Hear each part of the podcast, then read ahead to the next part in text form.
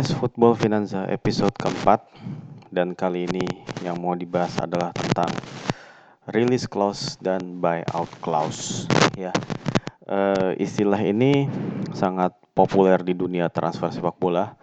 Ya beberapa bahkan dalam beberapa pekan terakhir di bulan Agustus itu ya itu ramai tentang case-nya Lionel Messi yang ingin memutus atau melakukan terminasi kontrak dengan Barcelona yang uh, ternyata mempunyai uh, release clause atau buyout clause-nya Messi senilai 700 juta euro. Apa sih release clause atau buyout clause itu? Apakah dua makhluk itu uh, sama gitu? Release clause itu apa? Buyout clause itu apa? Gitu. Jadi uh, sebenarnya release clause sama buyout clause itu intinya sama, tapi teknisnya atau prakteknya beda, gitu ya beda. Um, kalau release clause itu simply ya, simply misalnya uh, sebuah klub itu mematok release clause dari seorang pemain senilai katakanlah 100 juta euro. Jadi Ketika ada klub lain yang ingin membeli pemain itu dengan nilai 100 juta euro, maka klub pemilik tersebut wajib atau harus menerima tawaran tersebut dan mengizinkan si pemainnya itu berbicara dengan klub calon pembeli. Jadi artinya kalau misalnya tawarannya itu di bawah 100 juta euro, si klub itu bebas boleh menerima, boleh menolak. Tapi kalau misalnya tawarannya itu 100 juta euro ke atas, ya klub tersebut wajib menerima dan mengizinkan si pemain untuk bernegosiasi dengan klub pemilik. Itu release clause. Tapi release clause itu juga kadang-kadang nggak sesimpel itu. Kadang-kadang ada release clause yang punya beberapa uh, clause atau klausul khusus yang kemudian membuat si pemain itu akhirnya bisa pindah. Contohnya uh, ada yang paling terkenal adalah transfer dari Joe Allen uh, dari Swansea ke Liverpool. Jadi pada saat itu Liverpool membeli Joe Allen dengan harga 5 juta 5 juta pound atau euro lah lupa. Itu. Dan uh, Swansea itu uh, menerima karena ternyata Joe Allen itu punya release clause bahwa dia bisa dibeli oleh Big Five klub Inggris gitu. Jadi release clause sebesar 5 juta itu berlaku hanya berlaku untuk Big Five-nya klub Inggris. Jadi ini seperti untuk memfasilitasi si pemain untuk bisa pindah ke bigger club gitu loh. Jadi supaya si pemain itu nggak ditahan-tahan oleh klubnya sendiri. Jadi bisa dibilang release clause-nya itu uh, menguntungkan kedua belah pihak. Jadi klub uh, klub pemilik itu uh, bisa menerima tawaran, tapi tawarannya itu sesuai dengan harga yang mereka tetapkan. Dan bagi si pemain, ya pemain itu nggak akan dihalang-halangi andaikan dia pengen pindah ke klub yang lebih besar untuk mengembangkan karirnya, gitu. Itu release clause. Ada juga release clause-nya uh, Dembaba waktu dari pindah dari Newcastle ke Chelsea. Itu adalah release clause-nya yang berisi kalau klub yang apa berkompetisi di Liga Champions menawarkan dengan nilai 16,5 juta pound itu harus diterima. Dan waktu itu Chelsea membeli Dembaba dengan harga sebesar itu menebus release clause-nya dan mau nggak mau Newcastle menerima. Dan release clause itu dibuat pada saat kontrak uh, antara klub pemilik dengan uh, si pemain itu ditandatanganin. Jadi dua pihak ini ingin uh, kepentingannya itu dipenuhi. Artinya bagi si, si klub pemilik dia tuh uh, pengen melindungi asetnya. Jadi nggak bisa tuh kayak misalnya klubnya itu klub yang lebih kecil ya punya pemain bagus gitu. Jadi pemain itu kayak udah dipagerin gitu. Ya si klub kecil itu nggak menampik bahwa kemungkinan suatu saat ada klub besar yang akan membeli pemain-pemain mereka, pemain-pemain bagus mereka itu. Jadi untuk menghindari ya supaya uh, si klub kecil itu uh, mendapatkan nggak nggak mendapatkan keuntungan gitu. Jadi akhirnya diberilah yang namanya release clause tadi. Jadi lu boleh beli nih tapi minimal dengan harga segini gitu. Dan buat si pemain itu juga oke. Okay, ya udah jadi klub itu terkesan tidak menghalang-halangi karena udah ter apa namanya udah tercatat semua dalam uh, kontraktualnya gitu jadi nggak pemain sendiri nggak merasa dihambat lah oleh klub Dan untuk pertanggungjawaban kepada supporter itu juga lebih transparan karena misalnya kan kadang-kadang supporter itu suka protes, "Kenapa jual pemain si ini padahal kita butuh dia?" Ya klub tinggal bilang, "Ya dia dia mampu, dia mau menebus release clause." Ya emang itu udah ada di kontrak gitu. Nah, bedanya apa nih release clause dengan buyout clause? Nah, ternyata buyout clause itu uh, commonly itu adanya di Spanyol untuk pemain-pemain di Liga Spanyol. Jadi sejak tahun 85 itu klub-klub uh, Spanyol sepak bola Spanyol itu wajib menyertakan buyout clause ketika uh, mengontrak si seorang pemain gitu. Sebenarnya uh, spiritnya sama dengan release clause tadi supaya misalnya si pemain itu nggak dengan gampangnya dicomot atau dicaplok oleh klub gede atau si pemain itu juga nggak terlalu terhambat belinya gitu. Cuman emang yang sekarang-sekarang ini terlihat itu kan buyout clause-nya itu nilai yang nggak realistis ya. Kayak nilainya Lionel Messi 700 juta euro gitu. Ibaratnya siapa yang mau beli gitu. Mungkin ada klub yang punya yang mampu beli 700 juta euro. Klub seperti Man City, PSG itu mampu beli 700 ngeluarin duit 700 juta euro untuk beli Messi. Tapi apa iya emang segitu? Dan itu kan nilai yang sangat-sangat nggak realistis dan bahkan jauh di atas market price-nya si pemain sendiri gitu. Paling market price-nya Messi itu paling sekarang ya dengan di usia dia 33 tahun itu paling sekitar kayak kalau di transfer market kalau nggak salah nilainya itu udah 100 jutaan di kepala 100 jutaan euro. Ya masa iya si klub yang minat membeli Messi itu harus ngeluarin minimal 700 juta euro kan nggak juga gitu. Tapi kenapa klausul itu ada gitu? And uh, eventually atau anyway kenapa uh, klausul itu ada? Itu emang nggak lain uh, untuk melindungi uh, pemain tadi dan mekanismenya pun berbeda gitu. Ada motif pajak awalnya, motif perpajakan yang ingin di uh, apa diraih atau digunakan oleh pemerintah Spanyol. Jadi uh, mekanisme atau teknisnya buyout clause Spanyol itu uh, begini. hmm, jadi ketika si pemain itu misalnya ditawar oleh klub lain gitu atau pemain itu pengen pindah. Jadi pemainnya itu yang wajib membeli kontraknya. Jadi artinya pemainnya itu yang bayar gitu, bayar ke klub sesuai dengan buyout clause. Misalnya kasus Neymar lah waktu itu dari uh, Barcelona ke PSG. Neymar itu awalnya punya buyout clause 200 juta pas lagi di awal. Cuman kemudian nilai itu berkembang seiring kontraknya ditambah berkembang menjadi 222 juta euro gitu. Nah, Waktu itu PSG uh, eh, tertarik ngebeli Neymar, ya. Tapi kan uh, secara aturan, secara mekanisme dia PSG nggak bisa ngasih duit begitu aja ke Neymar, eh ke ke Neymar ke Barcelona. Jadi artinya si Neymarnya sebenarnya harus nebus 200 juta, 222 juta. Cuman kan ya namanya pemain kan nggak punya uang sebanyak itu untuk menebus dan akhirnya mekanismenya adalah si uh, si klub apa namanya si klub calon pembeli si PSG uh, eh, mendeposit atau mentransfer uang ke federasi ke badan La, ke La Liga dulu melalui La Liga. Terus abis itu dari La Liga mentransfer uangnya ke Neymar. Dari Neymar baru ke Barcelona.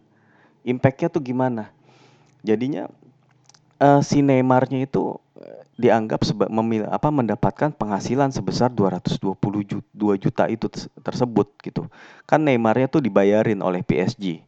Jadinya artinya uh, dianggap sebagai Neymar memiliki mendapatkan penghasilan dan penghasilan itu uh, objek pajak, objek uh, pajak penghasilan gitu. Dan pajak penghasilan di Spanyol itu sangat tinggi tarifnya antara 47 sampai 48 uh, persen dan yang artinya uh, pada saat misalnya itu itu kasusnya Neymar atau kasus yang lain lah.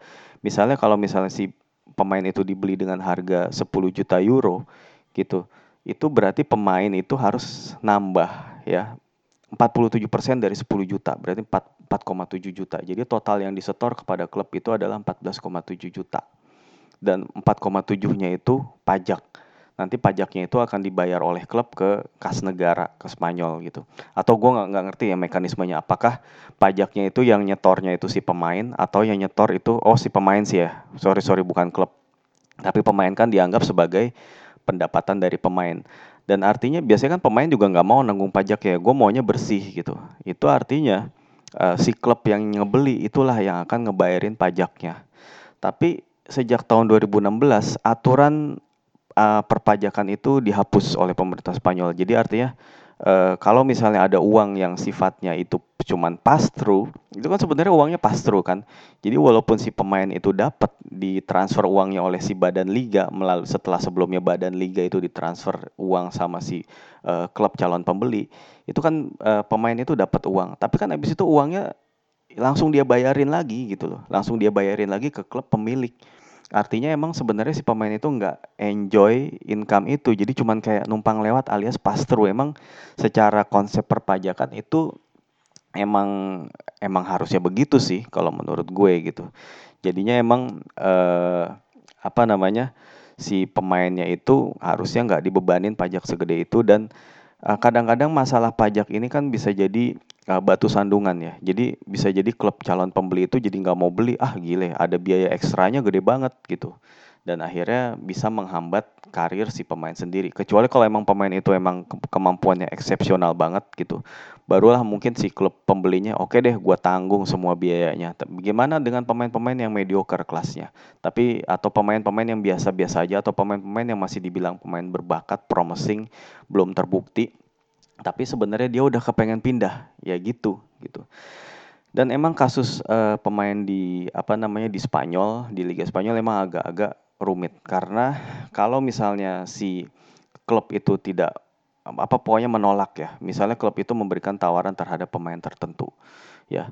Itu uh, klub itu menganggap ah gila tawaran lu rendah banget. Ini kayak penghinaan lu, lu cuma nawar segini. Akhirnya si klub itu bisa mengajukan ke pengadilan ini menganggap tawarannya itu hostile apa pokoknya penghinaan lah gitu. Terus eh, akhirnya eh, si pengadilan itu akan bisa jadi eh, memutuskan dua hal. Yang pertama itu eh, dia akan mengenakan pajak pertambahan nilai atau PPN VAT yang di mana tarif di Spanyol itu tarif PPN-nya 18% bukan 10% kayak di sini.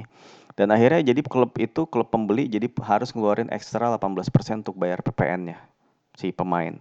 Ataupun uh, solusi kedua ya udah si klubnya itu maksain membuat yang namanya buyout clause. Dan sejak saat itulah kemudian karena nggak mau ada VAT yang dibayar akhirnya ya udah buyout clause aja yang dipakai. Ya udah bagaimana si klub ini sama si pemain mensettle uh, segala macam hambatan itu. Ya dan apa namanya uh, karena itulah transfer yang melibatkan pemain-pemain Spanyol La Liga itu kadang-kadang agak rumit gitu ya. Contohnya kayak transfernya uh, Ander Herrera dan Javi Martinez ya dari Bilbao waktu itu Bilbao ke Bayern Munchen dan Bilbao ke Man United atau transfernya Fernando Llorente ke Juventus yang mana Athletic Bilbao ini adalah salah satu klub yang terkenal sangat sulit banget ngejual pemain, alot banget. Mereka nggak mau, pokoknya mereka maunya pakai buyout clause. Kalau nggak pakai buyout clause, nggak usah gitu. Dan akhirnya waktu itu kalau Fernando Llorente Juve akhirnya nungguin ya udah tunggu si Llorente kontraknya habis baru dia beli secara gratis. Dan akhirnya selama menunggu kontraknya habis itu si Llorente itu nggak pernah dimainin oleh Bilbao dan dijadiin cadangan begitu aja. Dan menurut gue sih kalau case itu sih sangat-sangat merugikan karir dari pemain gitu ya. Ya gitu tapi emang spirit awalnya adalah supaya eh, klub-klub uh, kecil itu nggak dengan gampangnya uh, kehilangan pemain muda gitu yang tahu tiba-tiba dibajak oleh pemilik klub itu soalnya banyak kisah seperti itu pemain-pemain muda berbakat dibeli. Contohnya kayak uh, Jose Baez Seberia waktu itu kan dia dari akademinya Real Sociedad tapi kemudian dia dibeli uh, pada saat usianya masih muda nih dibeli dengan harga yang cukup mahal oleh Athletic Bilbao yang mana waktu itu si Sociedadnya sampai akhirnya musuhan sama atau perang dingin lah sama Bilbao gitu gara-gara si Ed Seberianya tuh dibajak kayak gitu. Ya emang uh, balik lagi ke kontrak pemain bola itu emang nggak nggak segampang itu gitu. Banyak banget aspek-aspeknya. Aspek-aspek pajak aspek-aspek uh, uh, apa namanya klausul yang lain gitu. Banyak banget sehingga emang harus dilakukan oleh orang-orang yang expert harus di apa ya artinya jangan sampai ada pihak yang terlalu dirugikan gitu.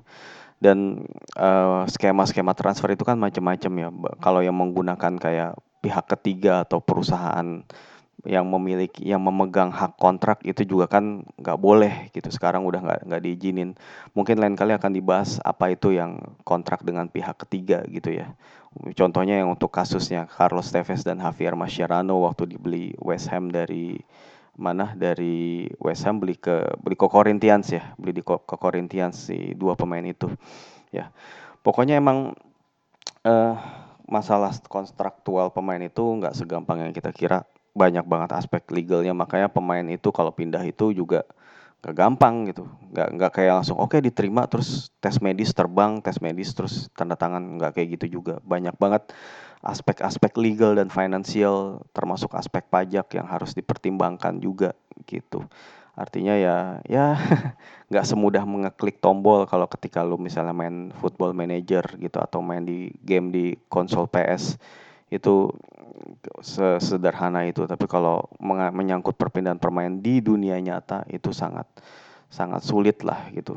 Ada banyak banget klausul-klausulnya dan ada juga klausul termination clause yang uh, apa namanya Messi ini uh, itu ada masalah legal di situ karena di klausulnya apa termination clause-nya itu artinya kalau misalnya kontraknya itu tersisa tinggal uh, dua tahun atau setahun gitu ya Messi kalau nggak salah kontraknya tinggal setahun ya tinggal setahun artinya si pemain itu setelah liga berakhir itu uh, boleh mengajukan atau boleh pindah tanpa biaya. Artinya tanpa fee free sebagai free agent jadi boleh mutus kontrak ya.